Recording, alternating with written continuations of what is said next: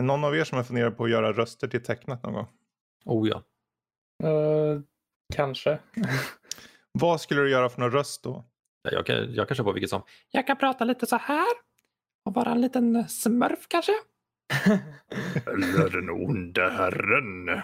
Bara allmänt onanier. Jag vet inte, kanske så här. Ja, Du då. Fredrik? Jag? Ja. Jag, jag? Jag skulle ju börja med typ så här Hugo Mm, jag äter massor med bananer. eller Jag vet inte vad ni håller på med. så här riktigt gammal gubbe. Jag sitter ni och äter flan. Jag vet inte, vad som helst där kan göra det lite roligt. Men det är ju så här oftast, som när vi har pratat med typ Anneli Hed eller någon annan så här skå, riktig skådespelare, de säger att ingen går ju någonsin in liksom och gör roliga röster utan då går man ju in för att göra en karaktär och sen så ja, hittar man rösten för den. Liksom. Jo, men Så det är ju så med Ja. rollspelandet. Precis. Så en annan blir ju såklart, mamma, åh jag vill också göra röst. Jag är Hugo. Jag skjuter folk på gatan. Liksom, det blir ju sjukt och knäppt och det funkar inte så i, i verkligheten. Hallå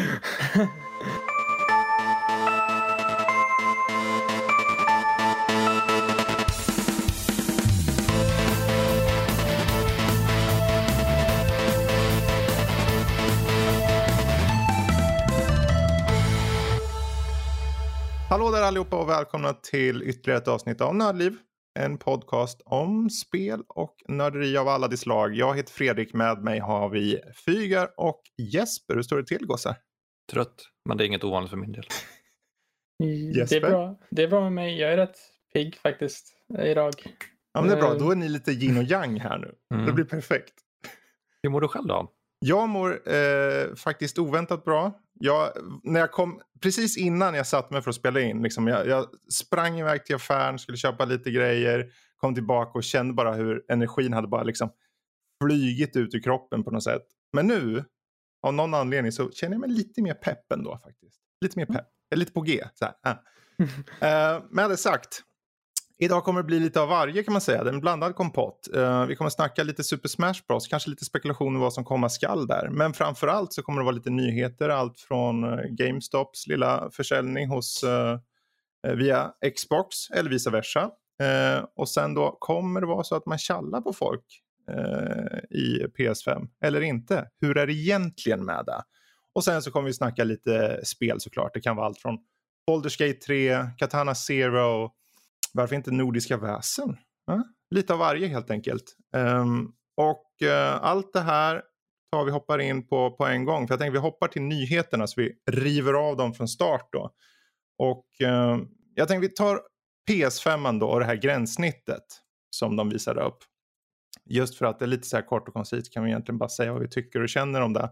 Finns det något eh, ni såg i just det här nya gränssnittsutseendet som ni tyckte stod ut? De gör det mycket lättare för Trophy Hunters. Mhm. Med eh, ledtrådar och eh, gameplay-videos för vissa spel. Precis. Så, på både gott och ont kan jag tycka. För att eh, li- lite av utmaningen var Trophy Hunter är att försöka hitta själv och lista ut det själv. Mm. Men jag kan tänka mig att det är upp till alla att se hur väl de följer. Ja, och det verkar ju också som att det är en fråga om eh, huruvida utvecklaren väljer att ha den här typen av synlighet också. Det är ju inte i Mm. alla spel som kanske de går in för att visa exakt varje liksom. För vissa hade ju det här nästan hjälpfunktionaliteten i vissa spel. Men de Liksom. visar upp Little Big Planet där och liksom ja, gå så här så hittar du rätt. Mm. Ja, men det kommer ju inte vara för alla spel ska jag inte tro. Alltså, det, Ja, de sa det att det inte är för alla spel utan det är Nej. vissa Nej. spel där utvecklaren väljer att göra det. Eh, och det är ju klart, det är ju en ytterligare process och liksom okej nu ska de visa här det är ti- som de kunde visa så här 10 minutes left för att nå progress klart på den här sessionen. Liksom. De måste Baserat på hur du spelar. Ja, precis. Så med andra ord för min del är det en halvtimme. Kanske. ja, precis. det kan ju också vara bra på ett sätt, tänker jag då, eftersom att man kanske ibland har lite tidspress eh, på Mm. sig. Att man kanske ska iväg och göra någonting eller något. Så kanske man vill köra. Man kanske vill man så kanske typ sitter här och ältar om man ska köra en bana eller inte. Och sen Exakt. står det så här. Det här, det här är tiden för att ha kvar för att det, det tar för att liksom klara av den här banan och köra klart den. Mm. 15 timmar. Okej, Ja. jag tar en dag. och sen en annan sak jag tyckte det var rätt coolt med det där, eh, det var att man kunde typ så här eh, quick resume och sen, eller typ så här pausa och sen bara typ starta upp igen där man, eh, där man. Var senast som på eh, Nintendo Switch. Man kan ju göra det där till exempel. Man kan quick resume där man kom ifrån eh, förut. Så det är liksom, Mm. för det har varit ett problem med Playstation mycket tycker jag tidigare att det varit så att här, man måste starta upp spel från början och så måste man spara precis innan man ska eh, bli klar med någonting annars så förlorar man all progress man gjort. Mm. Det känns lite så här utdaterat kanske för året eller liksom dagens eh, spelindustri och liksom att folk ville ha det liksom kvickt så här. Eh, Det är både Xbox och Playstation kommer med ja, den funktionen nu. ja, så Mm. det är ju next gen liksom grejen. Mm. Eh, Så det är, jag tycker att det är en ganska cool feature. Eh, Och sen gillar Absolut. jag också simpliciteten ändå i den UI. Det, känns, Mm. det verkar ganska lätt att liksom gå runt i och att använda funktionerna i den. Eh, Jag måste testa själv först kanske, men vad jag förstod från det jag såg på videon så Mm. tycker jag att det, det kommer nog bli bra. Jo, ja, men jag slogs egentligen också av hur cleant det kändes. Liksom rent, tydligt. Ehm, och eh, jag menar, jag har ändå tyckt att PS4ans... Jag känner, jag känner mig egentligen att de alltid var mycket tydligare än Xbox. Mhm. Det fanns en tydlighet i det framförallt. För du var ju på Xbox, där liksom du, okej jag ska nå den här grejen. Du ska gå in i menyer och sen ska du in 40 steg kändes det som. Medan Mm. på PS4 var det bara, okej håll in den här så kommer du åt den så. Ehm, så att de liksom mer verkar för att få det där mer instantaneous liksom. eh, direkt. Och det är så, egentligen kan jag tänka mig utifrån det lilla jag sett för Xbox så kommer de med all säkerhet gå åt det hållet också. Eh, det ligger ju ändå i tiden att, att ha ett väldigt bra liksom, UI så att liksom rakt in i spelen bara. Särskilt nu när man kan flexa mellan så många olika spel samtidigt. Liksom. Mm. Ja, jag såg en video på, jag tror vad heter han, Lamar Wilson eller något på YouTube. Mm. Han gjorde en video på, han fick sån här preview av ehm, Xbox Series X där. Mm, för det är mm. många som har fått det nu, typ ett exemplar Precis. redan nu och gjort saker. Så han gick, igenom, han gick in i Minecraft Dungeons först tror jag det var. Och sen så spelade han lite och sen, nej, nej det var, jag tror det var det eller så var det Borderlands. Borderlands 3. Ja. Ja, så gick han liksom direkt ut från, till, från det spelet, nästa spel och sen tillbaka igen och så var han på exakt samma ställe där han slutade. Mm. Bara några knapptryck så var han på nästa ställe. Alltså tillbaka igen där han var Precis. förut. Så det är Precis. liksom väldigt smidigt på det sättet tror jag ne- Next Gen kommer vara. Att man Ja. liksom kan man Ja, kan ju- eh, skifta spel liksom och ändå vara på samma plats i, igen. Ja, sen är det ju såklart, det finns ju ett, eh, det finns ju, om vi går just, vi tar väl PS5 som exempel då nu, nu när vi ändå pratar om det. Jag tänker att du kan ju hålla eh, x antal spel in memory och gå rakt in i dem. Men det kommer finnas en stoppgräns. Mm. att när du liksom, om du startar ett nytt spel och sen startar ett nytt spel så är det de äldsta då som antagligen trycks ut. Så, att säga. så när Mm. väl, ja, men nu går jag tillbaka till Destruction All-Stars. Ja, då får du i alla fall börja om det förmodligen. Men Mm. tack och Mm. lov nu med de här laddningstiderna så kommer det väl inte vara så farligt ändå känner jag. Det kommer gå ganska snabbt. I alla fall hoppas Mm. jag det. Jag såg någonting om att eh, Xbox, eh, Gears of 5, eller Gears 5, Mm. eh, sänktes, ladd, sänkte laddningstiden från 44 sekunder till 8. Precis. Oj, det, det är stort. Precis. Ja. Var det inte Ehm, Tactics? Jag läste någonting om att det var Gears Nej. Tactics. Det kanske Alltså- var Gears 5. Jag Ja. Alltså om vi säger så här, just nu, det, fin- det har ju gjorts massor med tester och så. Och eh, jag menar Digital Foundry gick igenom, Jong Ye gått igenom massor och så här. Och det, till och med de spel som inte är officiella spel, alltså från eh, alltså partners snarare, liksom. alltså, som Xbox egna studios eller om det är Playstations, de är såklart superoptimerade. Men till och med de som inte är det visade sig vara väldigt mycket snabbare. Mm. Så jag menar, ge det ett år eller så in i konsolgenerationen och alla de här utvecklarna som vi nu såg, som inte liksom, säg till exempel på Playstation, som är en Sony-titel. de ges lite kärlek, då kan du få ner de där laddningstiderna ännu mer. Mm. Och även gamla spel. Så det känns jätte, jättekul att eh, vi går åt det här hållet. Hur länge till kommer GTA 5 överleva egentligen? ja. Ja, det var ju lite skoj där, eller lite så här humoristiskt där med att de började första play, när de visade konsolen och sånt, den livestreamen började Mm. de med att visa en trailer på GTA 5, liksom så här, det här kommer till Next Gen. Ja. Jag känner Ja. bara fuck you. Ja, Precis. eh, så jag har fortfarande inte ens kört det, men jag har det på PC för jag Ja, laddade ner har jag med. Jag, jag började spela det men eh, Ja, Ja. jag tappade GTA efter typ, jag tappade i med fyran ärligt talat redan. Jag följer, men jag är så, jag har ju, som Danny brukar säga, jag är så gammal vet du, så jag, har, jag kommer inte ihåg det här. Men han, jag, jag körde ju mest liksom ettan och tvåan, så vi snackade ju innan det var 3D. Men eh, inte för att spinna loss här helt nu. Jag tänkte vi går tillbaka och avslutar just den här. Jag tycker för min del det ser lovande ut vad gäller just eh, gränssnittet. Så vi får ta upp den när vi faktiskt sitter med en PS5 i hand. Um, kan jag ju säga det för övrigt, för det, jag kom på det medan vi pratade, att jag glömde säga det här är avsnitt 277. late, better late than never. Eh, det är den 17 tionde när vi spelar in det här för övrigt. Bara så att ni vet, så att ni sitter där efter. Men jag vet ju inte vilket datum ni spelar in det här. Ja, egentligen spelar det inte någon som helst roll. Men så kan det vara. Jag, jag kom på en sak angående PS5 och just här i Norden eh, pratandes om lanseringen Mm. i PS5. För det har ju kommit ut nu på Twitter och F, eller var FZ som jag såg det genom Twitter eller något. Att bland annat vissa utvecklare har blivit helt, alltså de har, Sony har i princip ljugit för dem och sagt att de fått, ska få mer exemplar av PS5 än vad de egentligen kommer Mm. få. Så det kommer vara jättesvårt att få tag på en Ja. i, eh, jag räknar med att jag får tag på en nästa, om ett år. Ja, Då får jag en. Det är ju alltså, jag har lagt mina förväntningar på nästa sommar som tidigast, ärligt talat. Jag eh, tror med 90 85 procents sannolikhet att 85? jag kommer få, få en. För jag har kollat upp vissa saker som eh, vilka, jag beställde Mhm. från Mediamarkt och så Mm. var det liksom vissa artikelnummer som fick var typ första batchen eller vad man ska säga. Och eh, jag var ju en del av den första batchen med Mm. min, som tur var. Eh, och sen är det ju också så att det är ju lite mer multinationellt än andra så att jag tror att det är, Mm. chansen att man får en där är lite större. Men det är så synd för alla som beställt från till exempel webbhallen och komplett Mm. att de ska behöva Alltså det var ju många från webbhallen till exempel som hade beställt liksom förra året i juni, maj liksom, Mm. och kommer inte få förrän jul eller 2021. Liksom. Det är ju väldigt surt för många. Ja, det är ju, Så, om inte annat så är det ju dåligt bara planerat sett till liksom, tillverkaren. Eh, Mm. ja. Det här, jag menar, om inte ens de som förhandsbokat för ett år sedan får det i, i rätt tid, då är det ju något som är lite vajsing kan jag tycka. Men, men, men, men. Men Jesper, när du får din ja. så vill jag att du gör en live upppackning.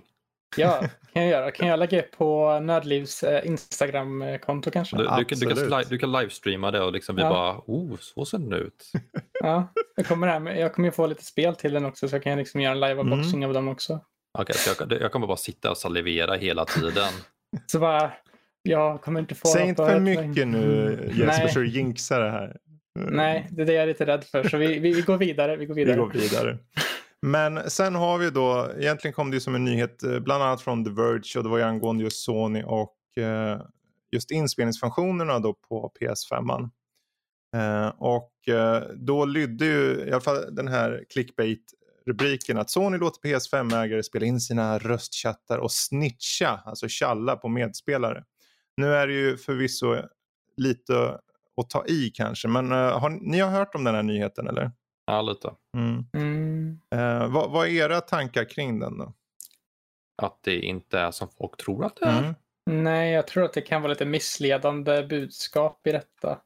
Att folk har läst det liksom bara utan att tänka så mycket. Och Du, kanske... du menar som människor brukar göra, de läser Ja. rubriken och sen bara, så här är det. Precis. Ja, men det är ju så det funkar på Mm. internet. Eh, tyvärr. Det är så. Men eh, just i det här fallet tror jag att det är extra mycket så. För det kanske, det, när man bara hör det så kanske det kommer lite fel. Det är där. Folk läser ju bara den korta liksom, uppdateringsrubriken så att säga. När Sony själva gick ut och pratade om det här så skrev de att just med den här uppdateringen så ser då, kommer användarna se ett meddelande om eh, party safety. Och att röstchattar då i, parti, i parties då kan spelas in.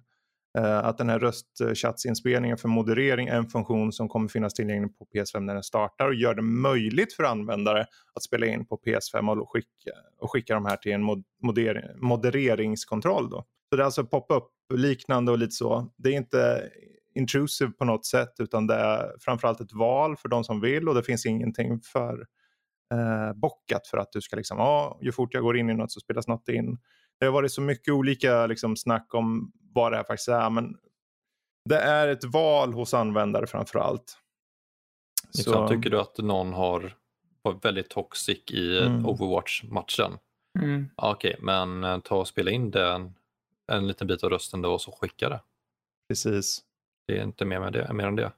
Jag tror det kan vara ganska bra i vissa sammanhang också mm. för att i vissa, alltså just till exempel Overwatch så har det varit, kommit väldigt mycket ut, eller kommit ut väldigt mycket om att eh, varit väldigt mycket trakasseri, trakassering mot eh, speciellt kvinn, eller den kvinnliga scenen och liksom mm. många faktiskt. som har lite andra, kanske sexuella läggningar och massa mm. sådana saker. Att när man kommit ut med sånt där så har de blivit helt bara nermejade av spelare på ett väldigt mm. taskigt sätt. Så att ifall Absolut. det uppmärksammas mer med detta så tror jag att det ja, kommer bara, menar, bara vara positivt. Exakt, jag tänker på ett sätt kan ju bara att, bara att det här kommer finnas tillgängligt så kan ju göra att folk skärper upp sig lite. Jag menar bara för att funktionaliteten finns betyder inte att folk använder det. Men att det finns ett slags, jag ska inte säga ett hot att ta i, men det finns som ett uh, outsagt löfte där att om någon gör någonting och säger något riktigt så här dumt så kan det ju finnas inspelat. Liksom. För det här är ju så att den här uppdateringen uh, kommer också funka med eh, PS4. Och Eh, alltså då är det ju då att din röst då kan bli eh, inspelad och submittad till Sony för moderering eh, av en annan användare än den som till och med spelar in. Uh, och vissa kommer, med, självklart så kan det ses också som så här invasive. Uh, för i teorin så kan du, allt du spelar, uh, allt du säger i en voice chat kan bli skickat till Sony utan att du vet om det. Mm. Något jag reagerade på, det var någon som skrev, skrev vår Discord-kanal förut, mm. att man kan bli av med hela spelbiblioteket. Ja. Vilket känns ganska långsökt. Det är ju, ja. alltså om du blir, du ska ju bli otroligt bannad, som att du blir bannad på hela din profil liksom. Då får du inte tillgång till den. Det är inte så, för att det ska komma så, gå så långt så är det liksom, alltså då har du ju, då har du ju mordhotat folk. Och alltså, så, jag, liksom. tänker, jag, jag tänker mig att den längsta gränsen de tar är att du är bannad från online-spelande. Mm. Det låter mer rimligt. Än att de ska, du är bannad från att spela på vår konsol. Precis. Ja, alltså... Jag tänker mer på att profilen kan bli bannad. Liksom. Mm. Ja. Och då, då är det ju precis som du säger, då, man kan sätta i en skiva, man kan ju skapa, jag menar, de kan ju skapa en egen profil, den lokala. Mm. Eh, på, på loka, lokal nivå liksom, och spela lite. Men då, då är det ju som du säger, då, då går det inte att sitta där och bubbla med folk. Och då får, då får de leva med det. Kanske mm. det är rätt, känner jag, om man nu lyckas nå så himla långt. Men um, oavsett, den här eh, det 8.0 mjukvaran eh, kommer då ändra just hur parties och meddelanden arbetar och addera också lite nya avatarer och föräldrakontroller och eh, support för authenticator-appar med så här två two-factor authentic authentications. Mm. Så det vill bara vänta in och kika på hur bra eller dåligt det mot förmodan blir. Jag mm. tänker att eh, allting som förstärker en bra samtalston är bra i mina öron. Så mm. kör vi inte. Bra, vi hoppar vidare. Jag tänker vi har Stardew Valley här. fick en liten, eller kommer få en uppdatering. Jag vet inte, har de kommit än eller kommer komma? Uh, jag tror det stod 1.5 när den kommer, så att den har inte kommit än. Mm. Vad rör det sig om, Figar? Då blir det couch co-op kan alla sitta, fyra spelare sitta hemma i soffan och mysa och eh, ta hand om sin gård tillsammans. Mm. Vilket jag faktiskt ser fram emot för det är mycket roligare känner jag att sitta tillsammans i soffan och samarbeta med sin gård istället för över nätet. Okej. Okay. Mm. Särskilt jag som har det på switchen. Ja, just det. Mm. Eh, jag tycker inte switchen är särskilt smidig med sin online-grej utan då är det bättre att köra det Har Switch online-grejen? Ja, så Switch Online Ni kan är mejla ju... till info nordlipodcast.se om det är någonting som ni kände var lite elakt där. Nej men funktionaliteten på Nintendo, kom igen. Ni vet. De är, de är efter. Ja. De kommer snart ska ni se. Snart kommer de. Mm. Ja. Nej, de men, har ju lovat det eh, väldigt mycket så här att det ska bli stabilare nätkoder, stabilare liksom. Men... Ja, det är vad det är just nu och så är det. Men oavsett, Stardew Valley, Couch Co-op, eh, fygare på. Då vi behöver bara Mm. flera spelare. Så... Och det kan ni ju få kanske till på Discord för övrigt. Jag menar, jag har ju nämnt det kanske i något avsnitt tidigare, men varenda avsnitt punktmarkerat. Men det är ju så, jag menar, går ni in på nördliv.se och bara trycker på connect på första sidan där så kommer ni med i vårt lilla community. Eh, det bubblas på bra faktiskt känner jag. Det kom in mycket Mm. folk på sistone och fortsätter väl att strömma på fler härliga nördar av alla olika slag. Så hoppa in vet jag. Um, men vet, ni kanske får faktiskt möjlighet att köra med Fygar vad det lider. Ehm, men apropå just att köra spel, jag tänkte vi ska ta och hoppa in på lite spel då. Ehm, och eh, jag är nyfiken Jesper, du hade kört Melody of Memory-demot, alltså Kingdom Hearts. Ja. Vad, vad är dina första intryck av det här nu?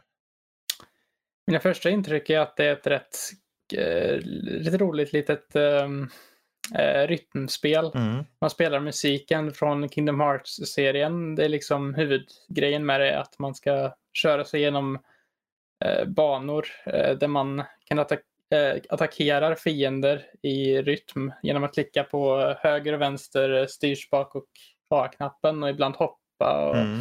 och slå folk i luften liksom eh, med i takt och sådana saker. Så det, det har liksom Kingdom Hearts-känslan lite där i sin eh, hur eh, striderna, alltså det, hur striderna känns lite samtidigt som att man liksom springer längs en musikbana som man liksom och slår Mm. fiender i takt. Så det är liksom en bra hybrid tycker jag där.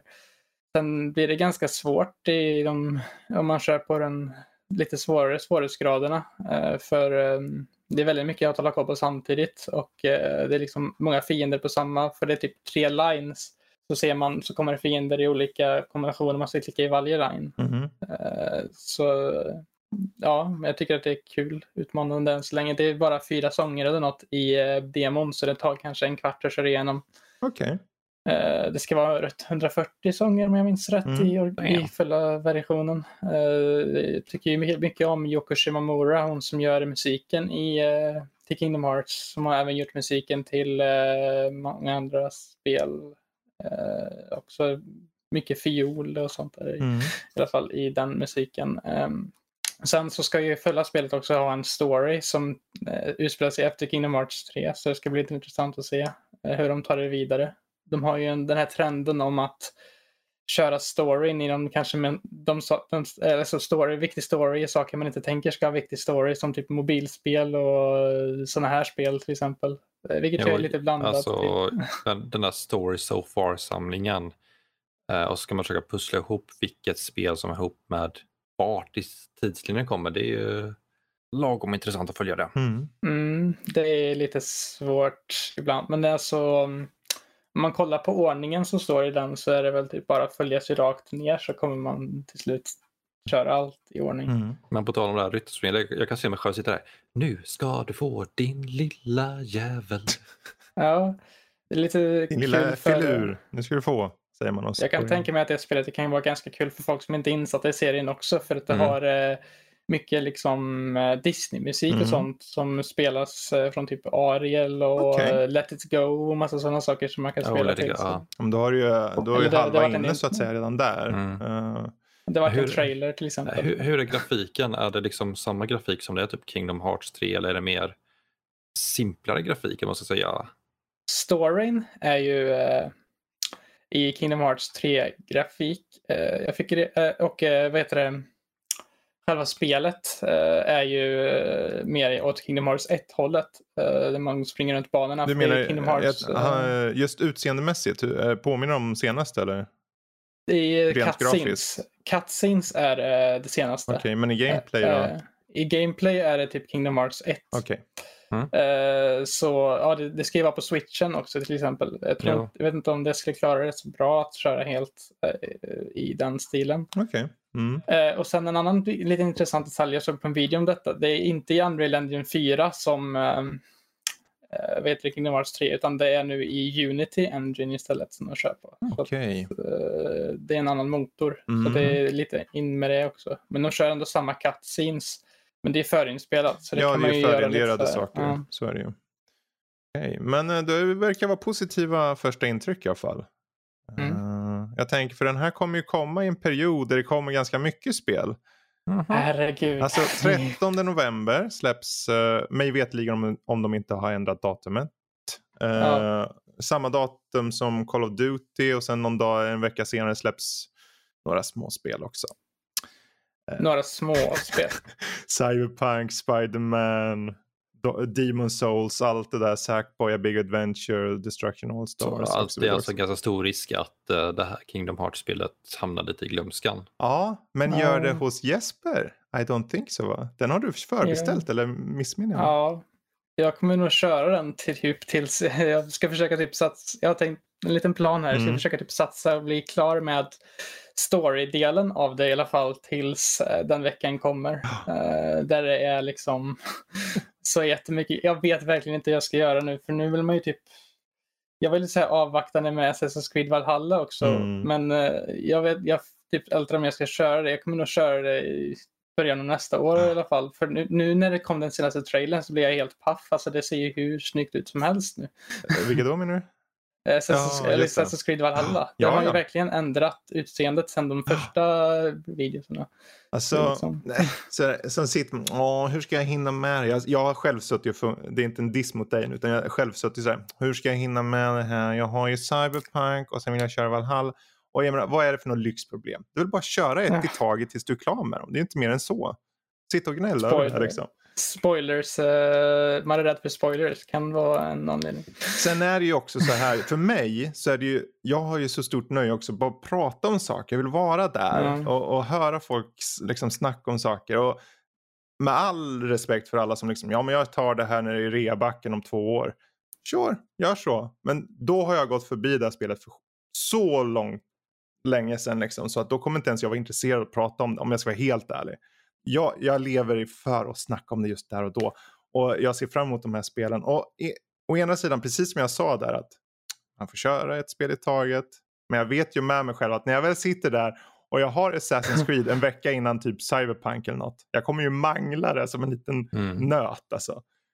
Eh, och då vet jag, och då är jag den enda i världen kanske nu, jag vet det. Men jag är väl den, eh, en av de få här som ser väldigt mycket fram Dirt 5 också. För att eh, jag tycker jättemycket om studion som gör Dirt 5. Motorstorm och alla de här spel som den studion har gjort. Alltså, jag, jag har redan listat ut vilka spel jag vill ha till PS5 när jag har fått tag på den. Det är Godfall, Ratchet Clank och Spider-Man. Spider-Man. Mm. Ja. Och sen ska jag försöka hitta God of War.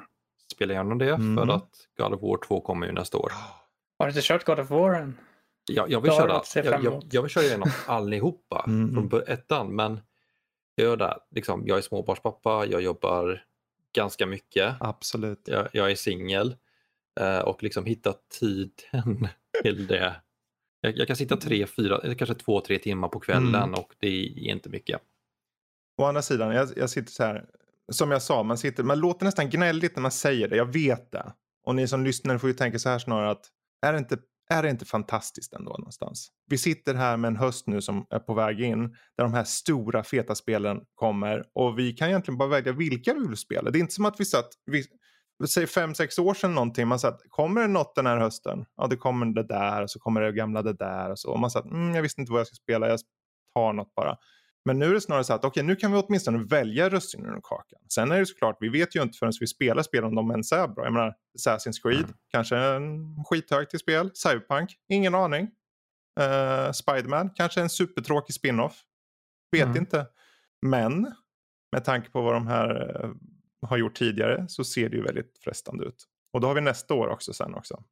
Alltså, behöver inte ens prata om nästa år. Jag kollar ju på den nu typ i veckan när det, man typ tar upp så här, vilket spel kommer vara nästa års Game of the Year? Mm. Typ så här, innan du skrev det på Discord som en sån här fråga bara. Jag bara tänker, "Ja, det här spelet kommer ju nästa år och det här spelet kommer, tro, det här spelet kommer ju nästa år och det här spelet kommer troligen nästa år. Då tänker jag på typ Zelda Breath of the Mm. Wild sequel. Och sen eh, enligt typ rykten som allting linar upp till så kommer typ FF16 också komma nästa år. För att, Alltså, jag, Ja, jag, ser, jag, ser- jag ser Je- Jespers hjärna få liksom härdsmälta där. alltså, Ja, för mig kan jag bara säga, om God of War 2 kommer nästa år. Det, det här är varför de bara visade titeln på spelet. För de behöver inte visa något mer. De Nej, vet. de- De... vet att vi är hooked line sinker. Va? Men nu håller vi Visar de ens titeln? De visar bara på Ja. loggan. Ja, Ja. De behöver inte visa något mer Nej. tror jag. Jag tror inte ens de behöver visa en trailer Vi- egentligen. alltså, jag om de bara ger så här, de visar ett releasedatum, typ då och då, någonting. Det är klart, jag behöver inte veta något mer. Jag behöver, jag behöver inte se någon Ja. gameplay. I det här fallet behöver inte jag se någon gameplay. Jag litar på de här, faktiskt. Vilket är få förunnat. Få förunnat. Det är egentligen bara Cyberpunk som jag har, även om jag försöker hålla igen min, min egen hype, liksom, så är det Cyberpunk just bara för jag vet vad de gjorde med Witcher 3 och ambitionsnivån. Men i övrigt alltså. Men vi ska inte lingra här. Nej, Eh, utan vi- Vi går vidare. För jag tänkte, vi var ju inne på eh, Ki- Kingdom Hearts. Och vi hade förvisso inte tänkt kanske, jag vet inte om vi hade tänkt det. Men du har ju ändå spelat Kingdom Hearts 1.5 Fygar. Ja. Som, va, Eh. Hur långt har du kört? Har du bara smaka på det lite eller vad, har du kört ganska mycket? Eh, jag tror när jag kollat tiden så har jag spelat runt 14 timmar. Okej. Ja. Eh, jag klarade nyss av, för, den som inte spelar King- Kingdom Hearts så är ungefär lika efter som jag. Eh, man går igenom olika världar, Disney-världar.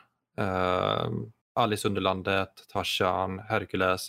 Nu sen, den senaste världen jag klarade av var Monstro, alltså valen Mm. i eh, Pinocchio. Eh, och svor mig förbannad över eh, bossen där innan jag kom ut. Ah, den ja. Den är... spotta syra och slänger runt armarna och allt sånt där.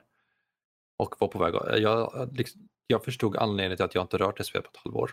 Eh, lycka till. Eh, eh, du kommer till Atlantica snart och det är eh, typ 30 000 gånger värre. Oj, Alltså, lycka den världen till. är jättejobbig. Jag ska sampla Magnus. honom där. Jag ska sampla dig Jesper där. Ha varje gång Fygar med så här. Lycka till Fygar.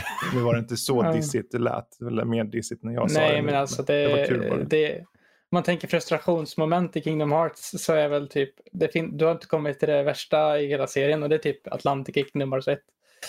Eh, kontrollerna där, eh, man simmar ju runt och sånt. Ja. Det, ja, du får komma dit sen Nu har du något att säga se fram emot med andra ord så kommer jag låta spelet ligga ett halvår till. Kanske det. Alltså jag var nära på att typ, Men om vi bortser från den här liksom, bossfighten nu. Fram tills dess, liksom, hur har dina intryck varit? Klumpiga kontroller tycker jag att det är. Mm, Ehm, Men det kan ju vara en vanlig sak också. Jag körde ju inte Kingdom Hearts. När inte, det kom. ja, nu, ska väl jag svära i kyrkan, men är inte det ett kännetecken för hela serien? Det, jag kände så när jag recenserade. För jag recenserade 1.5 och 2.5. Den här hade så något konstigt namn. Och sen 2.8 Mm. tror jag det var. ja. Mm. Och sen Precis. trean. Så Eh, det. och jag, trean var betydligt mer smooth liksom, sett till kontroller. Men de första var clunky. Är väl det enda Ja, ordet men, jag kan komma på. Jo, men liksom när man går in och striderna. Mm. eh, när du ska vilja magi, att du inte har någon snabb knapp utan okej, jag måste ner i meny, jag måste trycka där, jag måste trycka där och sen skicka och sen liksom, okej, jag fick ett slag i nyllet där, okej, då börjar jag om då. Det är en grej de fixar med tvåan väldigt mycket faktiskt. De gjorde... Plattformingen i ettan är ju, alltså det känns ju, det är många plattformssegment och sånt i ettan. Man skulle poppa mellan plattformar.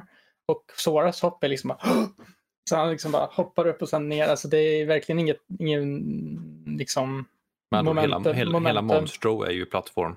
ja, det är ingen momentum i hans hopp alls. Nope. Det är liksom jätteklumpigt. Eh, Och sen kommer tvåan där, då får Mm. man massa abilities som eh, man kan eh, signa till Sora och sånt som gör att den blir mycket lättare och sen kan man typ glida runt mycket lättare och sen jag tycker att i alla fall de gör det mycket bättre i tvåan och trean Mm. än de gör i ettan. Men det var ju för det var det första spelet också, Jo, så men de så kanske inte ju. visste Så är det ju. riktigt Jo. hur de...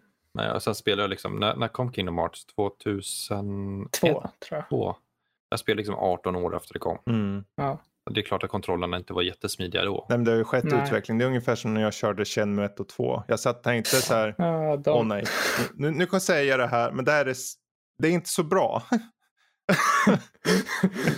ja, Vi samplar det också då. ja, vi får det. Men jag, jag känner att det här, tiden, tiden har rört sig framåt. Men eh, Jag tycker inte Shenmue 3 är särskilt kul heller.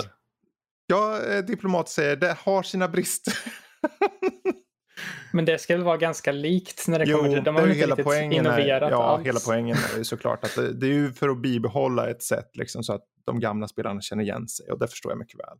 Men ehm, vad gäller just eh, Kingdom Hearts 1.5, vi får se om du plockar upp det igen om ett halvår då, Fygar. Mm. Mm. Jag, jag har ju hela Story So Far-samlingen att gå igenom och sen ska jag sätta mig med trean. Ja, Okej, Ja. då så. Jag, liksom, jag, jag har liksom, jag har inte en plan att jag vill spela igenom storyn helt och hållet innan jag sätter mig med Mm. sista. Så man då när jag är pensionär, Mm. då kan jag Då när, sitta eh, och njuta kommer. av allt det. Ja, då kan jag Ja, sitta och kom- njuta av allting. Då finns det säkert typ Kingdom Hearts 1,3,2,7,8,9. De, de kör Eh, lite och sen, den eh, ner-rutten nästan sådär. Ja. Ja, just det. Near Replicant version 2,10. Ja, bla, bla, bla. Ja. Det Ja. blir intressant att se. Ja. Men vi kan hoppa vidare då. Jag tänkte uh, Baldur's Gate 3. Du har lite Ja, första intryck där i alla fall. Jag vet inte om du, Mm. hur mycket har du ens hunnit peta på det? Sex timmar, något sånt Det där skulle jag sagt. jag- 600 timmar. Mm. Ja, Nej, sex timmar. Nej, Mm. men Så mycket som jag satt och sitta inne så trodde jag faktiskt det var mer. ja, det kanske var något. Eh, Discord visar lite konstigt ibland också. När man, Ja, jag kollar Steam. ja, på Steam. Ja, jag kan kolla det nu. Ja, det var berätta bara annars dina intryck. Jag tror det var. Mina första intryck är att eh, de har gjort det väldigt... Jag körde ju typ 102 för jättelänge sedan. Mm. Jag tyckte att eh, då hade jag ingen koll på någonting om rollspel och sånt överlag. Eh, annars än det. Och det var ganska avancerade liksom, rollspel. Så det var ju liksom det här 3,5 eh, D&D 3,5 som är mycket mer avancerat än eh, D&D 5. Eh, femte Mm. editionen som jag har kört på riktigt också, liksom rollspelskampanjer med också nu. Jag tyckte att combaten och sånt var väldigt smooth i eh, femman, eller i, tre, i Baldur's Gate 3. Mm. För det är ju det systemet och sen så tycker jag att de har gjort det väldigt bra med, det känns som ett sånt där CRPG när man rör runt sina karaktärer Mm. liksom, som ett eh, videospel mera, liksom ett videospel med D&D eller alltså D&D, det känns inte mer som att det är liksom, det känns som att det passar en bra blandning mellan rollspel och, TV, eller, och videospel. Mm. Liksom, Jag, jag har sett lite gameplay på det och det ser mer ut som att striderna är som XCOM eller Ja, Mario vs Rabbit plus Rabbids Mm. Kingdom. Alltså att du har en karaktär, går viss sträcka, gör actions. Vadå som action points? Som att du kan bara göra ett visst antal actions Ja. eller vadå? Det är precis som i King, eller som, nu blir jag liksom, det är precis som i DN, Dungeons and Dragons eh, spelet egentligen att man eh, kan röra sig vissa feet liksom på en runda. Eh, hur många meter man kan röra sig. Och så kan man göra olika actions beroende på vilken klass man är, beroende på vad man har för equipment Mm. och massa sådana saker.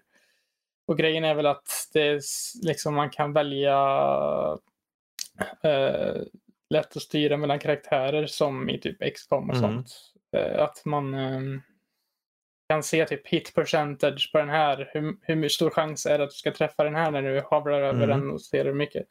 Så sådana saker är mycket. Jag skulle säga att typ, ja, eh, det, det är väl rätt så, rent combatmässigt tycker jag att det är rätt smidigt och bra. Det jag har lite mer klagomål på dock, det är några saker och det är att det känns inte alls eh, redo. eh, Ja, är det inte early access? Det är early Jo, access. men och- alltså jag är lite skeptisk nu eftersom att det har varit det så länge. Det skulle kommit ut vid följdversion i år får man tänka på. Första början. Okej. Det skulle ju kommit ut 2020 följdversion tror jag. Mm. Och eh, det är mycket kameraproblem i cutscenes och sånt. Mm. Liksom att den zoomar in på en vägg typ så här. Eh, så att man inte kan se karaktären. Och en karaktär, Shadowheart heter den. Och när man, eh, när man har vet du, pratat med den ibland så är plötsligt, precis innan det kastar tillbaka till gameplay så ser man två versioner av den personen stå bredvid varandra. liksom så här. Hoppla. ja. Ja, och eh, en sak till som eh, eh, jag pratade med en vän som vi pratade om det här med om. Det är att eh, det känns som att det är väldigt många eh, missledande dialoger. Mm. Eh, alltså att man blir missledd av vissa saker för att varenda liten dialog har liksom en animation till sig när man pratar med dem. I originalet, eller i tvåan och ettan, så är det ju att när man, det här meningslösa NPCer, liksom, eller vanliga NPCer, är bara liksom en text Mm. som kommer över karaktären. Men här är liksom animerat. Mhm. Varje, så man blir liksom så här, ja nu klickar jag på den här, nu måste jag kolla på den här långa animationen för att se att han säger en line av dialog liksom. Det känns lite, så, Okej. lite Det överflödigt är det kanske. där. Det, det är svårt det här. Hur, hur immersed vill du göra dina spelare och hur väl kommer det funka? För du kan gå all the way med alla karaktärer ska alla ha animationer och de ska prata och allting. Men det finns ju en gräns där. Någonstans är det ju också spel det här. Det är Mm. nöjesmedia. Om vi ska ha en interaktiv berättelse då kan vi bara kolla någon visual novel lika gärna. Mm. Ja, hmm. Och en annan teknisk sak till som jag eh, vet, jag visste inte om det var min dator först, men jag vet att det nu är spelet i sig, det fryser väldigt mycket typ, i vissa situationer. Eh, och jag körde på högsta grafikinställningarna. Eh, min dator skulle klara av det, men Spelet är inte optimerat. Nej, Nej. spelet är inte optimerat färdigt. Och det är väl early access det och det här med, att, det, med eh, hur det funkar så. Men eh, jag tycker ändå att det känns lite för kanske early access fortfarande Mm. ändå. Att de, de kanske hade kunnat fixa lite, lite till innan de släppte det i early access. Eh, men rent spelmekaniskt har de det där. Liksom grunden är riktigt nice. Jag tycker om den här custom, customization options som man får det i början. Ja, det är jättemycket och de kommer ju lägga till ännu mer i följdversionen. Mm, För här mm. kan man ju välja mellan kanske typ fem eller sex raser. Jag valde att vara en drow wizard. Okej. För jag tycker Mm. att det är en intressant uh, grej att vara wizard. Liksom, man har mycket spells man kan välja mellan och sånt. Det är lite kul. Jag, jag tycker det var kul att de klagade på vad spelarna hade skapat. Jag vet inte om ni har sett det. Liksom. Måste ni vara människor? Kan inte, ni kan Ja, skapa just vad det, som ja. helst, men ni är det. ja, människor. Ja. Eh, sen en annan cool grej det är att eh, beroende på vilken ras man väljer så får man ju olika dialog med karaktärerna. Mm. Att de liksom säger olika saker och behandlar den olika på grund av ens bakgrund och sådana Mm. saker. Så det tycker jag är rätt nice. Sen får man ju olika dialogoptions. Det är ju väldigt mycket dialogoptions i det här spelet som man kan välja mellan. Eh, och sen ifall man har en viss ras som typ drow så är det liksom de här grejerna får du extra för att du är den här för att du kan Mm. välja att säga det här så kan det ge dig nytta i det här. Och sen finns det lite andra sådana grejer med den kraft man har. Men jag, kan inte, jag vill inte gå in på den grejen för det är en spoiler Okej. tekniskt sett. Så de som inte har spelat den vill jag inte säga det för. De som väntar på full release. Ja. Så, men, eh, Finns det någonting i just berättelsen? Kan du lägga, sätta upp? eh, Eller är det liksom helt olika beroende på karaktär man väljer? Eller finns det någon Mm, grundberättelse? det- Liksom, eller? Det finns en grundberättelse och det är det är typ Void, eh, liksom så här, helvetet. Mm. Eh, De åker i ett skepp från typ helvetet. Jag är inte så jätteetablerad i allt storyn i det här men det är typ ett skepp från helvetet typ, i, i, i princip som man eh, först möter massa, massa typ imps och grejer i. Och sen, ja nu kommer jag väl ändå till det här då. Det är kanske inte är så stor spoiler. Det är, man har en ability, eller man får en sån här mind flayer som åker in i Mm, ens hjärna. ja. Som kontrollerar eh, liksom vissa saker. Eh, så får, kan man, får man olika typ visions och sånt när man restar från typ en karaktär, en liksom original Ah, character som man, skap, som man skapar som är, är en, eh, ens love interest också. Mm. så liksom man kan skapa sin love interest i, eller kärleksintresse i det. Och jag, och jag Eh, har sett också att med, om man dömer av trailern och sånt också. ehm, man fick ju se att det, de lägger någon masklarv i ansiktet på oss och kryper in genom Mm. ögat. ja. Och då är det alltså tre, tre till fem dagar sen blir du en mindflayer. Mm. Det är det som är storyn. Du Ja. kommer tappa hår, du kommer bli Mm. blå, grå, du får tentakler, du kommer se ut som Cthulhu eller Davy Jones, Mm. vilken du föredrar. Eh, och, du ska, och då blir du liksom en av i Hive Mind. Mm. Typ. Så du ska försöka motarbeta. Det, det, jag har kollat en timmas gameplay och det var vad jag kom fram till. Mm. ja, det är mycket så. Det är väldigt mycket kretsar kring de här mindflayers i storyn. Mm. Eh, du eh, går runt i världen där eh, du startar så är det liksom alla har blivit påverkade av de här mindflayers på något sätt. Alla civilisationer, alla raser och sånt som är där har någon slags påverkan och ditt jobb eller ditt, ditt uppdrag i början eftersom att du blivit infekterad är att hitta någon som kan hela Mm. eh, din mind, din, eh, få dig liksom fri från den här mindflayern. Och grejen är att eh, alla, inte kan, alla kanske inte går att lita på när det gäller det här. Så man får massa olika val. Liksom. Vill du gå till den här personen och hjälp, som ska hjälpa dig? Vill du gå till den här personen? Eller vill du gå till den här personen? Mhm. Så det är liksom sånt som man måste tänka. Det finns mycket valfrihet i hur man vill göra det. Nej, men det, det, är är, bara... det är ett rollspel. Ja. Mm. Men det är bara, oftast, just i det här fallet så är det, jag vill inte säga för mycket, men det är kanske ett val som, eller det är några val som är bättre än andra. Ja, men det säger ju sig själv tycker jag. Ja. jag. Jag hoppas det kommer till Next gen konsoler Jag hoppas att jag har lokal co-op. Det Eh, jag borde det ha tycker jag. Jag pratade med en kompis. Eh, har det lokal co-op, då är det spelkväll hemma hos mig. Eller har det online, då är det LAN-fest. Mm. Ja, med tanke på att det redan det här då har online-samarbete och LAN-samarbete så Tycker Mm. man att det borde finnas på konsol. Men jag eh, personligen varit det är lite så här ledsamt för mig känner jag. Att de får den här lanseringen, de slösar bort lanseringen tycker jag. Genom att släppa Mm. den så här. De kunde ha släppt den om ett, två år för min del alltså. Ni kunde väntat. Mm. De här första intrycken nu som jag bara läser och nu när jag hör från vad du säger. Det känns som att här har ni alltså en uppföljare på en av de mest kända serierna som någonsin gjorts. I alla fall enligt mig då. Och ni liksom släpper ut i det här halvdana formatet och det känns eh, buggigt och det känns inte eh, klart. Ni kommer, alltså, ni skulle, om de har byggt på hypen och släppt om ett år eller två. Då kan de ha byggt upp och faktiskt fått jättebra första intryck och få en fortsatt rörelse. Men nu känns det som att ju mer jag hör av det här desto mer blir jag så här, äh, jag skippar och startar det här tror jag. Jag vill inte, Jag, jag blev förvånad över priset de tog även för, Mm. även för Early Access, liksom 600 spänn. Men det är för att det är namnet Baldur's Gate. Ja, jo, Där- jag förstår, men vad, då funderar jag liksom bara, vad blir fullpriset? Är det uppe i 800 då? Har de inte sagt något om det i sin lilla early access Jag, vet, jag, har inte, jag har inte följt det så noga. Jag vet inte riktigt, men anledningen till att jag köpte det för fullpris dels var för att typ eh, på högskolan så pratar vi väldigt mycket om det här spelet. Mm. Många i min klass köpte det också. Ja. Så då ville vi liksom hålla den, så det var liksom så här, vi ville spela det och diskutera det tillsammans lite så. Mm. Eh, men ja, jag håller med, det känns lite så här överdrivet. Jag, hade gärna, jag hade gärna skaffat det egentligen, men då hade min dator begått självmord. Ah, okej. Ja, jag har ju Joels bibliotek så jag har den ju installerad.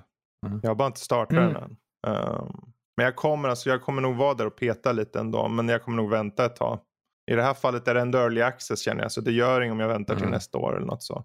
Oavsett, jag kommer peta på den en vacker dag. Mm. Men vi kan väl gå tillbaka till det här kanske längre fram när du, när du har kommit längre in i, i sin livscykel och, och, och du har fått köra med. Liksom. Ehm, men med det sagt, vi kanske hoppar till, jag funderar om jag ska dra en film lite kort. Eh, Mm. Den heter Hubie Halloween, det är Adam Sandlers senaste. Eh, och vad finns det att säga om den? Ja, det är en uh, Halloween-rulle av gamla Sandler-gänget som vanligt. Handlar om den här Hubie Dubois som, är, som egentligen alla håller på och hånar i hela den här staden. De kastar saker på honom när han cyklar ner för gatan. Och han älskar Halloween men han är också rädd, hur rädd som helst. Eh, det är en film som ingen bör se. Ingen bör se den här.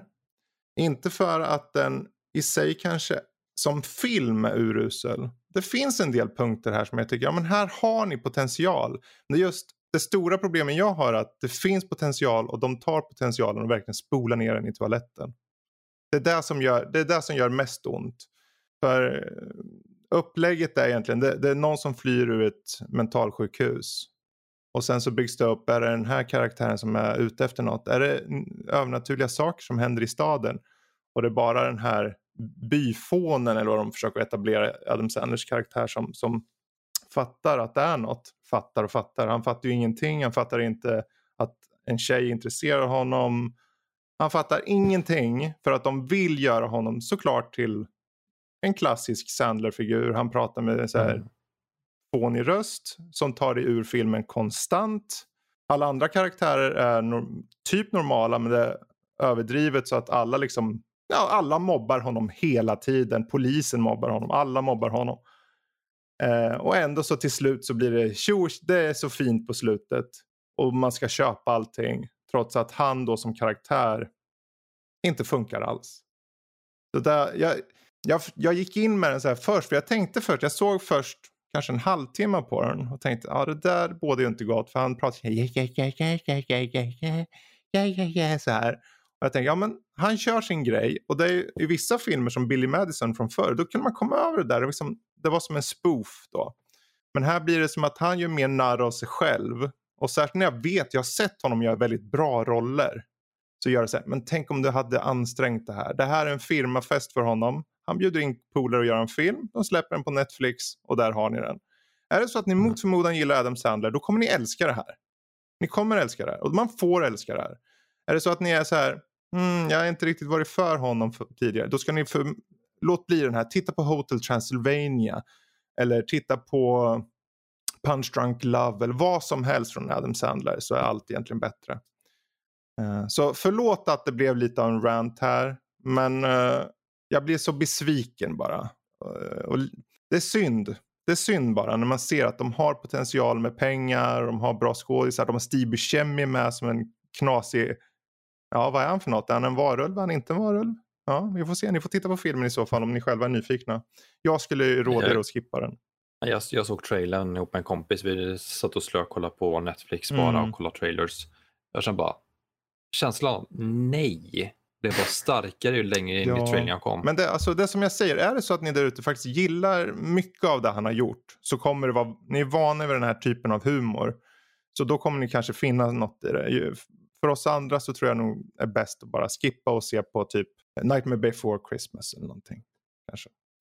Ehm, Ja, det låter som någonting som jag kommer skippa för att um, sådana roller tycker jag är väldigt tråkigt att se. Att de kan ha potential och sen liksom. ja, jag tror det, det här är ju tråkiga, men det stora problemet med filmen är att det är ju en komedi.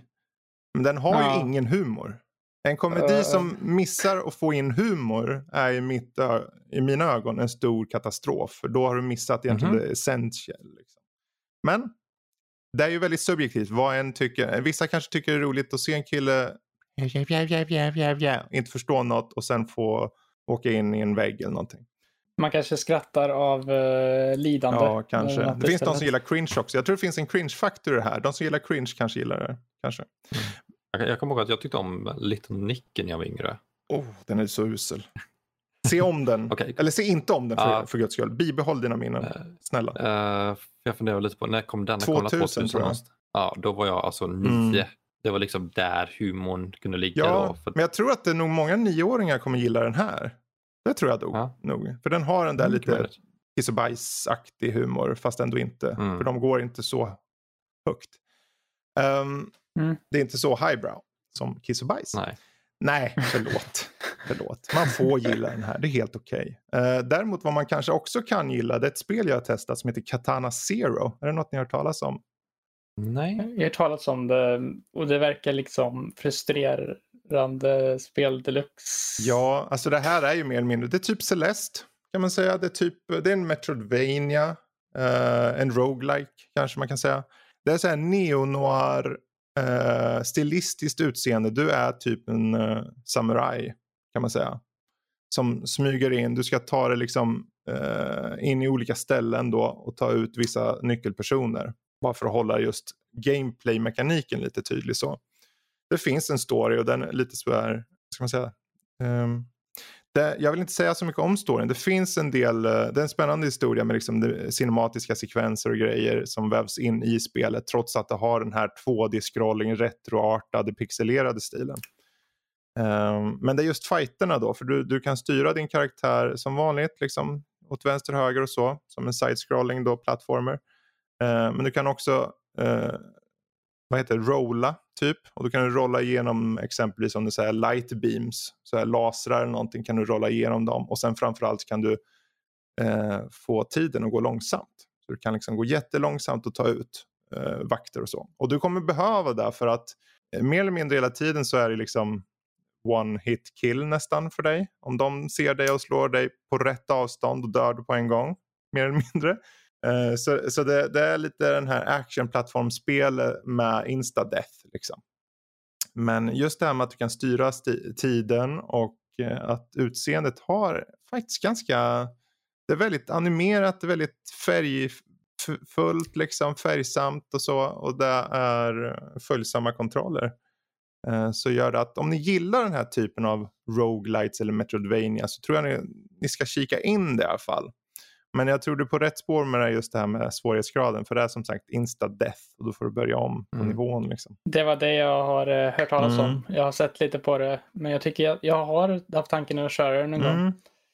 Jag har ju kört ett väldigt liknande spel nu. Det är inte Instadeath men det heter, eh, det är typ, det är samma Mm. genre. Det heter Scourbringer. Eller heter? Scourgebringer, va, Scourge- kanske? Ja, Ja, Scourgebringer, just ja. det. Precis. Så det kan ni läsa en recension snart. På Eh, nördliv.se. Snart, Ja, precis. Ja, Gud. snart klar med den. Ja, nej, men det kommer väl där under veckan som kommer eller något. Kanske veckan efter. Ja. Vi får se. Men uh, oavsett, Katana Zero, är det som ni har? Jag har kört dem Game Pass. Eh, så det är bara, och den är ganska litet spel liksom. Så har man tillgång till, till Game Pass är det bara att köra. Annars finns det säkert på Steam eller något skulle jag tippa på. Eh, utan att... Finns på alla plattformar. Alltså jag vet att det finns på typ Switch och Ja, men sånt då också så. tror jag. Jag tror inte det kan Mm. inte, inte vara så dyrt. Så gillar man den här typen av spel så kan det vara värt att kika in. Men eh, för att hoppa vidare, jag tänkte vi ska ta hoppa över till Fyga lite eh, om nordiska väsen. Oh. Ehm, Ja. De som har kanske kikat på, eller lyssnat framförallt på en, eh, en tärningspodden vet ju mycket väl eh, lite kanske vad det här handlar om. Men du kan väl berätta igen, Nordiska väsen, vad är det här? Eh, Nordiska väsen är ett skräckrollspel som är, utspelar sig i Norden, utvecklat av Johan Egerkrans bland annat, en illustratör författare och eh, utgivet av Fria Ligan. Eh, och det utspelar som sagt i Norden eh, och det, tänk lite Agatha Christie fast med mytologiska varelser från Norden. Mm. Alltså vi har tomtar, vi har troll, vi har Näcken, vi har varulvar eh, och gassar och liknande. Och det är inte så mycket, till skillnad från typ Dungeons and Dragons som är mycket att jag ser monster, du dö. Så är det mer att jag ser väsen. Vad gör jag Mm. nu? Alltså hur stoppar jag den? Vad är det för någonting? Varför beter den sig så här? För att de gör det inte utan anledning. Eh, Jesper här var med när vi körde äventyret i boken som heter Drömmarnas Mm. dans. Då fanns det en gast som heter Oscar som hemsökte ett värdshus. Men varför gör han det? Varför nu? Eh, och sådana grejer. Eh, ganska intressant upplägg. Jag håller på att skapa ett eget mysterium just Mm. nu som vi ska spela. kommer utspela sig i min gamla hemort. Det är nere i Göteborg alltså. Nere i Göteborg. Ja, jag bor lite, lite ovanför eh, Kungälv. Nu ska du inte göra väsen av dig här. Nej, Nej, fy. Badum, tsch. Gud. Eh, men eh, det är ett intressant. Mm. rollspel. Systemet är eh, rätt kul för att, jag vet inte, Jesper, du som, jag, jag bara mest spelat det. Eh, Mm. Jesper, vad tycker du som spelat det? Jag tyckte det var riktigt, riktigt kul faktiskt. Det första vi körde det med att det skiljer sig väldigt mycket från eh, Dungeons and Dragons som du säger. Det är inte mycket så här stats och sånt man behöver hålla koll, hålla koll på och liksom equipment och massa sådana saker som man kanske tänker sig ett typiskt rollspel ska vara. Utan här har du tänk dig att det är en typ detektiv, eh, detektivspel mer eller mindre. Mm. Att man gör detektivarbete på de här väsena. Liksom. Man ska lista ut saker och eh, man kan konversera med andra och typ lösa gåtor och liksom Mm. som leder till olika svar och sådana saker. Eh, mer än att man ska strida mot de här monstren. För det sättet att liksom besegra de här på är oftast kanske att man liksom löser en gåta istället. Mm. Som det här med, som gjorde med Oscar där. Och, eh, att vi stred ju typ inte, vi stred ju, vi har ju inte, jag har inte ens vapen på min karaktär. Han är helt, han är typ, Var du författare eller? ja, jag är författare så jag är, eh, jag, alltså jag kan väl slå med min bok så här men eh, det är väl, ja, vi har ju, eh, inte ihåg, en Lars-Erik, eh, Peters karaktär, har väl en eh, ge- gevär tror jag. Ja, han är jägare. Ja. Så ifall man är något sånt så kan man ju ha sånt. Men överlag så är det ju mer det här eh, lösa gåtor och lista ut saker som händer i världen och mer storytelling. Så jag tycker att det är en väldigt intressant eh, och kul Mm. upplägg på det. Mm. Och, eh, jag tycker att även rollspelsdelen är rätt intressant. Där man ska slå D6or och det är väl bara Sexor som Sexor, lyckas. sexor som lyckas så det kan bli rätt mycket fails. Det, kan- det, det är rätt kul ändå ibland med när man får, även om det blir fails, för att där det blir fails kanske kommer en annan oväntad sak som man li- listar, eh, som ändå kan hjälpa en kanske. Mm. Så det liksom, fails betyder inte allt i det här spelet jämfört med i combat i TND till exempel, får man failar totalt här, du stamblar och typ blir medvetslös på marken. Nej, utan här kanske man mer typ, kanske händer något liknande här, men eh, du kanske får reda på någonting samtidigt också om den här Mm. världen som du kanske inte hade fått reda på annars, tänker jag. Så jag tycker Nej. att det, Eh, vä- Värt att nämna, å, nämna återigen, det här är ett skräckrollspel. ja. Det är mörkt som satan. Mhm. Verkligen. Alltså, det är död, det är misshandel, det är lite vad som helst som händer. Eh, och om man är van vid Dungeons and Dragons som kan vara lite ljusare på det sättet så kan det bli lite av en chock att hoppa in i det här. beror på vilken eh, kampanj i Dungeons and Dragons de spelar, såklart- spelar såklart. Om man Mm. spelar typ Curse of Strahd eller något sånt. Men det var lite mer mörkt. Men eh, ja, och sen en annan sak som du, som jag nämnt mycket och så eh, jag hade väl med i recensionen också att eh, det, är lite, det är väl lite svårt i början det här med att komma på hur det faktiskt var på den tiden här i Sverige. För vi har Mm. inte mycket dokumenterat. 1800-talets Sverige är inte mycket om, nej. Nej, så man får improvisera lite kanske i den biten att det kanske inte riktigt blir som historiskt korrekt som man kanske tänker sig. Ja, fast det är ju å andra sidan om typ spöken och allt möjligt. Ja. Så det är ju, Jo, vad gör det? Alltså, Alltså, de- riktiga. de skriver Ja. i boken att eh, det här är inte vårt Norden. Nej, Det här är ett Nej. annat Precis. Norden. Liksom, hitta på lite vad ni vill. precis. Men eh, Ja, det är kul grej. det. Kommer dyka upp lite mer gameplay antingen på Youtube-kanalen eller eh, något annat jag har inte listat ut helt Ja. än. Men eh, håll ögonen och öronen öppna för mer nordiska Ja, väsen. spännande, spännande. Ehm, ja, för jag tänkte om vi hoppar vidare då just angående eh, spel då. Super Smash Bros. Steve introducerades, eller Minecraft-karaktärer snarare. Eh, Jesper, du har petat lite med, med Steve. Eh, vad, vad är dina intryck då? Hur är det att spela med honom? Eh, det är som att spela Minecraft typ. Okej. Ärligt talat. Neutral B-attacken som typ vanligt typ specialattack Ja. vanligtvis. Är liksom, när man bara står där på marken så är det att man gräver upp eh, ores och liksom jord och sånt. Okej. Beroende på vilken bana man är på också Jaha. är det olika. Så liksom ifall man är på ett ställe där det är typ mycket sten och betong i Mm. marken så blir det mycket sådana material man får. Och sånt. Och så har man ett crafting table Mm. som spanar när man startar matchen. Så man kan, eh, så man kan gå och crafta nya vapen. Mm. då. Och så går de sönder med tid och sånt. Så man måste typ managera resurser. Hålla, hålla koll på sådana saker. Eh, och sen, ja, när man attackerar med den attacken som man gräver med på marken i luften så bygger man. Okej. Så man kan liksom byg- bygga block liksom, som att det vore Mm. Minecraft. Så Det, det är en väldigt unik karaktär för ett Låter fighting-spel som en väldigt komplicerad karaktär. Väldigt komplicerad karaktär, ja, tekniskt sett. Alltså programmeringen de har gjort för den här karaktären. De behöver ju typ, de behöver göra om alla banor från scratch eh, och med koden och liksom Oj. för att det ska liksom... Commitment. ja, och De det ville över- ha med den här karaktären. Mhm. Och det är typ, ja, jag vet inte, jag tror det är typ varianter på banor är över typ 300 stycken i spelet. Okej. Eh, det är sjukt mycket Ja. banor. Ifall ni har sett stage-läkten i det spelet. Det är, det är så ambitiöst med det. Så det är liksom, Alltså jag undrar hur stor den där pengapåsen var från eh, Microsoft egentligen. Det ja, var det Phil Spencer Ja. som personen gick där? Varsågod Nintendo, här, ta det här.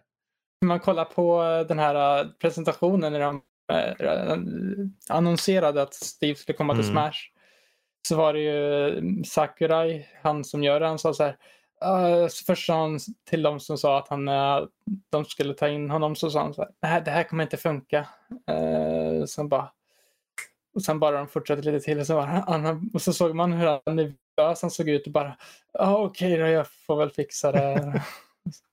Men är det bara, men han är det bara Steve eller fanns det ytterligare karaktärer? Visst var det... Det är lite skoj faktiskt. För du kan ha skins som zombies och endermans. Och lite roligt för oss som bor i Sverige. eh, Man kan vara Björn Borg. eh, Och man kan vara midsommardräkt-tjej. Okej, Ja, det är ju svenskt Ja, från början. varför inte? Så, och eh, huvud, en av huvudtemana är, eh, heter Halland och Dalarna. Den som spelas i trailern heter så. Och eh, en av tracksen är komponerad av eh, Yoko Shimomura. Hon som gör Kingdom Hearts-musiken. okej. Eh, Så det är väldigt mycket så här multimedia-influens på Mm. olika sätt i det. Så det är, Men kul ändå att det blir jag. så diverse. Det är väl det som styrkan i, Ja. i Super Smash. Att det finns verkligen något för alla känns det som. I karaktärer Mm. och så. Eh, Ja, jag, jag väntar tills det kommer lite mer brutala karaktärer. du vill ha Scorpion? Jag vill ha Scorpion, jag vill ha Heihachi. uh, Bayonetta har vi ju Inte tillräckligt brutalt. Hmm. på ett sätt. Alltså tänk att se Heihachi Mishima från Tekken komma dit och liksom slår till Mario mitt i nyllet och flyger han iväg. Eh, Jag tror att de är redan är Mi-kostymer i spelet. Ja, men det är inte samma sak. Eh, ja. Ja. Eh, de som vill ha Travis touchdown från No More Heroes kan ju vara lite besvikna också Mhm. för de annonserar ju att, eh, eller de, eh, en Mi-kostym. De släpper ju sådana här Mi-kostymer till Mis så man kan göra egna sådana här karaktärer, typ Swordfighter, Brawlers och eh, Gunners. Så kan man göra en Swordfighter-variant av Travis, Touchdown från uh, No More Heroes. Och det är väldigt många som vill ha honom som karaktär. Uh, så många blev lite frustrerade. eller lite Ah, besvikna i alla fall. Ja, men det, så kan det vara. Det, alla kan inte få sitt hela tiden. Mm. Nej. Ehm, då så, nej men vi kan väl runda av just det där. där. Jag tänker vi ska ta och riva av en sista nyhet här innan vi eh, går till lite Discord-snack. Men eh, just angående Xbox och eh, samarbetet som visades upp på Twitter var det. först och främst. Mm. Och det är egentligen då att det, det bekräftades då att ett avtal nu skapats mellan Xbox och GameStop i USA. Eh, och egentligen vad det här innebär då är att eh, inkludera alla, eh, all form av revenue på all downstream revenue då. Och det är alltså alla digitala försäljningar, digital content då som är på alla devices som är sålda på GameStop. De kommer de få en del av kakan av. Eh, Så om till exempel Xbox, eh, en Xbox säljs på GameStop, du som användare tar hem den eh, och du köper, lite, du köper digitala spel, då får GameStop en del av kakan. Om du eh, tar hem en Xbox och sen köper en skiva på något annat ställe och sen slänger i skivan och köper något DLC på den, då får de en del av den kakan också. Så i, i nuläget så innebär det att dels så har de en ganska så stark öppning in till eh, fortsatt leverne skulle man kunna säga. Om det nu funkar Mm. bra det här. Eh, I nuläget så har de ju som de flesta kanske vet, GameStop har ju mer eller mindre stängt igen i hela Europa. Jag vet inte hur det ser ut i Asien men eh, huvudsakligen så finns de ju primärt numera i USA mig veterligen. Och det är ju också där då som den största Xbox-marknaden är. Så jag tror att den här dealen då kan på många sätt, om det går rätt, kanske få dem att eh, överleva. Eh, vill ni se GameStop överleva i frågan då? Både ja och nej. Uh, visst, det är mysigt med tv-spelsbutiker, men jag tycker att GameStop tar ganska stora, höga priser. Liksom när begagnade spel kostar mer än nya, då känner jag alla bara nej. Inte särskilt, Ja. liksom kom in och såg, uh, kanske var Tekken 6 när jag köpte, så liksom begagnad 800 spänn, nytt 600 spänn. Uh, vad, vad hände där? Ja, jag var också med något liknande. Jag såg något typ, var det Monster Hunter World eller något de återsålde och så var det typ 100 kronor dyrare Mm. i begagnad-hyllan än i eh, nyspe- eller nyköpshyllan. Precis. De har ju, Så, problemet för GameStop var ju alltid att med personal, med eh, lokaler och allting så var det ju, det finns ju problem där sett till ekonomiska. De måste ju få det att gå runt och då var de tvungna att ta ut Mm. det. De levde mycket på andrahandsmarknaden och tydligen sålde det okej ändå. Men inte okej nog, särskilt nu när vi har gått in till att sälja betydligt mer digitalt då. Och där i och Mm. med att de inte hade en del av kakan så var det just där som de föll på mycket. Eh, särskilt nu när till exempel stat, statistiken säger att mer eller mindre så säljs det mer digitalt än fysiskt så, så är det inte, för, det är inte konstigt att det gick som det gick då. Men med den här lilla affären då så får vi se huruvida de faktiskt kan ta sig upp ur träsket och, och faktiskt överleva. Eh, vi måste ju alla ha någonstans vi kan gå och köpa de där t-shirtsen med Minecraft-tryck på. Nej, nej. Det, det finns en plats för dem också. Jag hoppas att de kan komma tillbaka. Men ehm, det kan också vara så att eh, Xbox, när de väl har etablerat sig, när de väl har fått hela USA och marknaden mättad på Xbox Series X eller vad det nu heter. Ja, då behöver de ju inte GameStop nu längre. Alltså om, Nej. om för om avtalet, oftast gör man ju eh, tidsmässiga avtal, som att man tar, säger att man tar kanske ett femårsavtal, eller tvåårsavtal eller vad det nu är. När den då löper ut och de redan etablerar sig ordentligt i USA, ja, ska eh, Microsoft då säga hmm, vi ska dela den här digitala kakan med de här eller inte? För Microsoft är det här win-win. Eh, de får en lättare försäljning av produkter med en butikskedja som alla känner till och, och eh, associerar med gaming. Om dina föräldrar i USA säger som, eller du säger, men gå och köp en Xbox till mig och då tänker de, vad köper vi sån? Ska vi gå till någon elektronikaffär? Ja, men vi går till GameStop. Det är GameStop, okej, vi går dit. Mm. De går dit, de köper och så får eh, GameStop en liten del av kakan. Men då om två x eller fem år eller vad det är när avtalet tar slut Och eh, Microsoft sitter där och får egentligen mer eller mindre nästan stora delen av kakan. Eh, förutom den här lilla delen då som GameStop tar. Ska de förnya det då eller inte? De får ju bara mer pengar om de inte förnyar för då har de redan etablerat basen.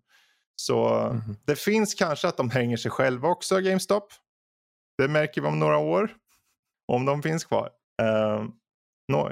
Men det, det, är intress- det är lite intressant att se för att jag tänker ju att uh, andrahandsmarknaden kommer ju bli sämre i framtiden Ja. tror jag. Eh, just för att vi behöver ha så mycket, alltså de nya spelen jag har köpt till PS4. Jag har lite det jag spelat på Mhm. skivan. Resten är, måste jag ladda Mm. ner. När servern, när Playstation-servern väl lägger ner, då har inte jag det spelet längre. Nej. Och det, den trenden lär ju fortsätta. Ja, så är det ju. Ehm, särskilt, och det handlar ju om att du har spel som, som överlever tidens tand. Å andra sidan, den online-delen, fler och fler företag försöker brygga det där. Jag menar, ser man Sony och, och Xbox i nuläget så kommer de, de har ju stöd för många av sina äldre spel fortfarande.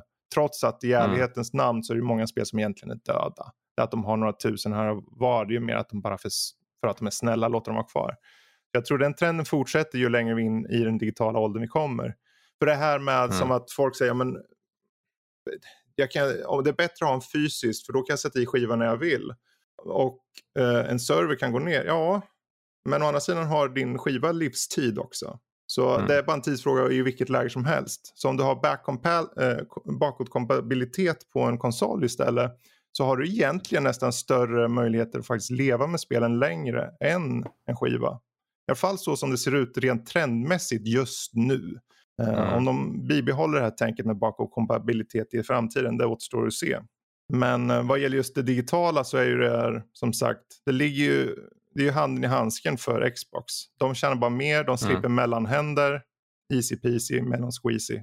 Så vem vet hur det här går. Men vi får hoppas och tro att eh, GameStop får en skjuts uppåt, kanske kan investera lite och utöka.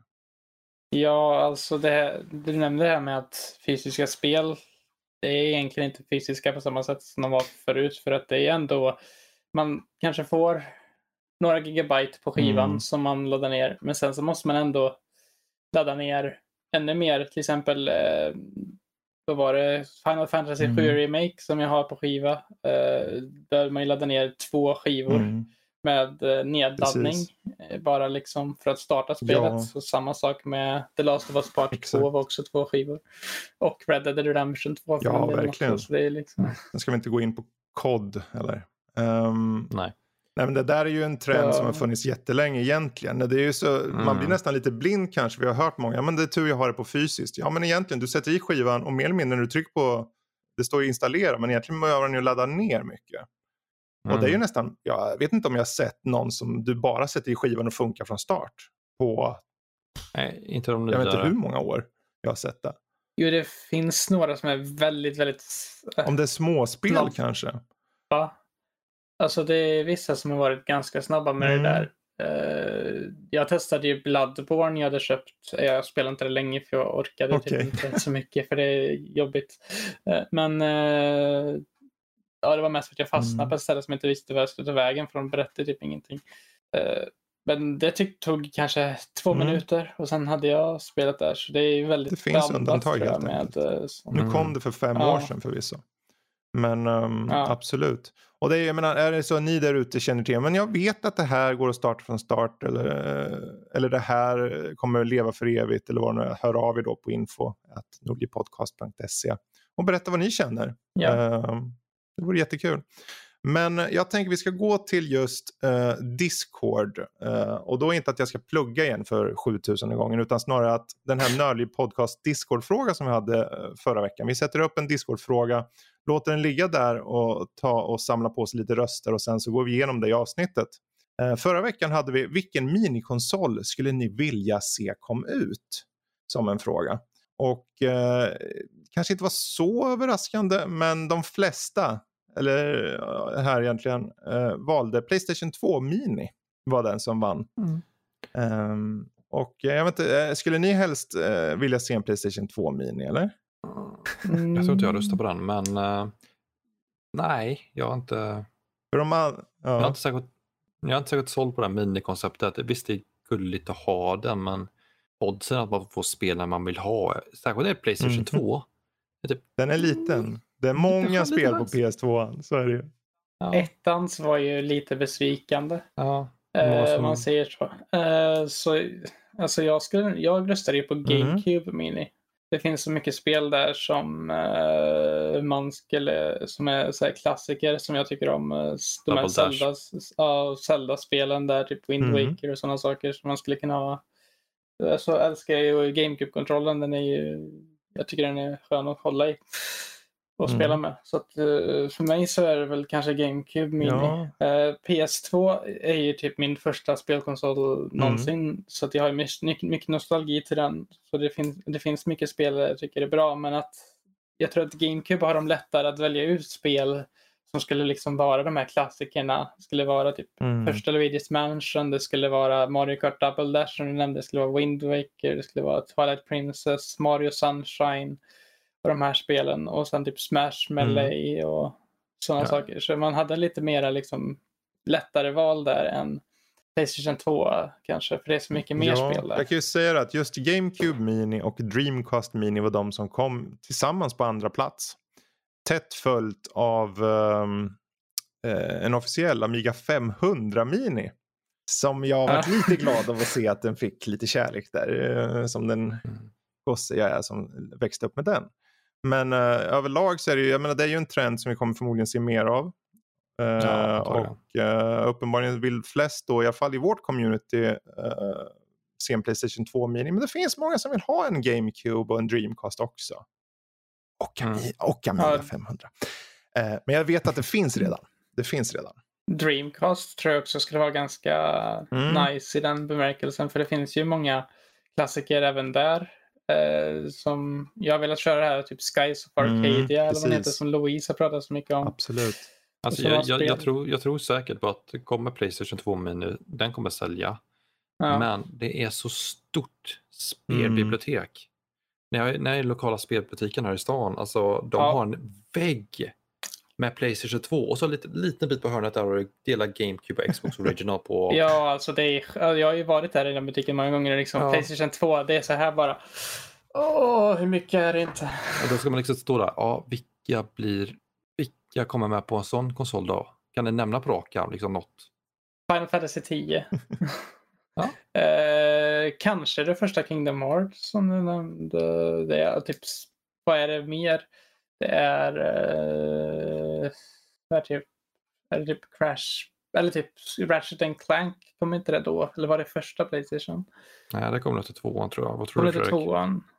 Oavsett så Ja, finns du det ju mycket spel där. Just varför den här frågan Ja. dök upp Mm. var ju för att eh, det var ju en intervju med Yosuke Okunari. Jag slaktar säkert det namnet. Men, Mm. och han blev ju just frågad om vad Sega skulle göra härnäst. Och då var det just att under nästa år, sa han, så kommer vi kanske gå med ett koncept som är nära Mega Drive Mini. Och om man skulle säga några namn så skulle det bli antingen ett SG 1000 Mini eller en Dreamcast Mini. Så det har ju sagts eh, i en intervju. Mm.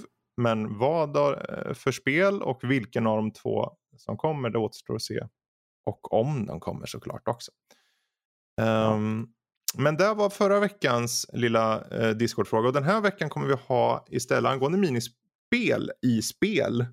Eh, jag tänkte det var lite roligt då när vi pratar om Melody of Memory. Det har ju lite av den här känslan av minispel men det är ett fullt sp- spel då. Men den här gången kommer det vara just, gillar du minispel i spel? Det är den enkla frågan. Jag menar till exempel poker i Red Dead Redemption 2, kasinospel i Dragon Quest eh, 11, DICE-spel i eh, Assassin's Creed Black Flag, Cocobo Racing i Final Fantasy 7 etc. etc.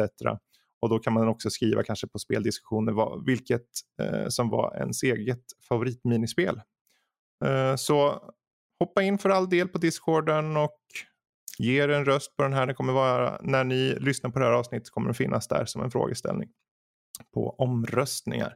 Så, men eh, jag tror faktiskt vi ska runda av det. Jag vet vi hade mer att snacka om och de som är Patreons, ni kommer kanske höra lite av det som kommer efter. Men för alla andra så blir det här tack och adjö för idag. Så jag får tacka för eh, tiden jag har varit med Fygar och Jesper. Eh, och så tackar vi er som har lyssnat ända hit helt enkelt. Så tack och hej allihopa. Hej hej. Hej då.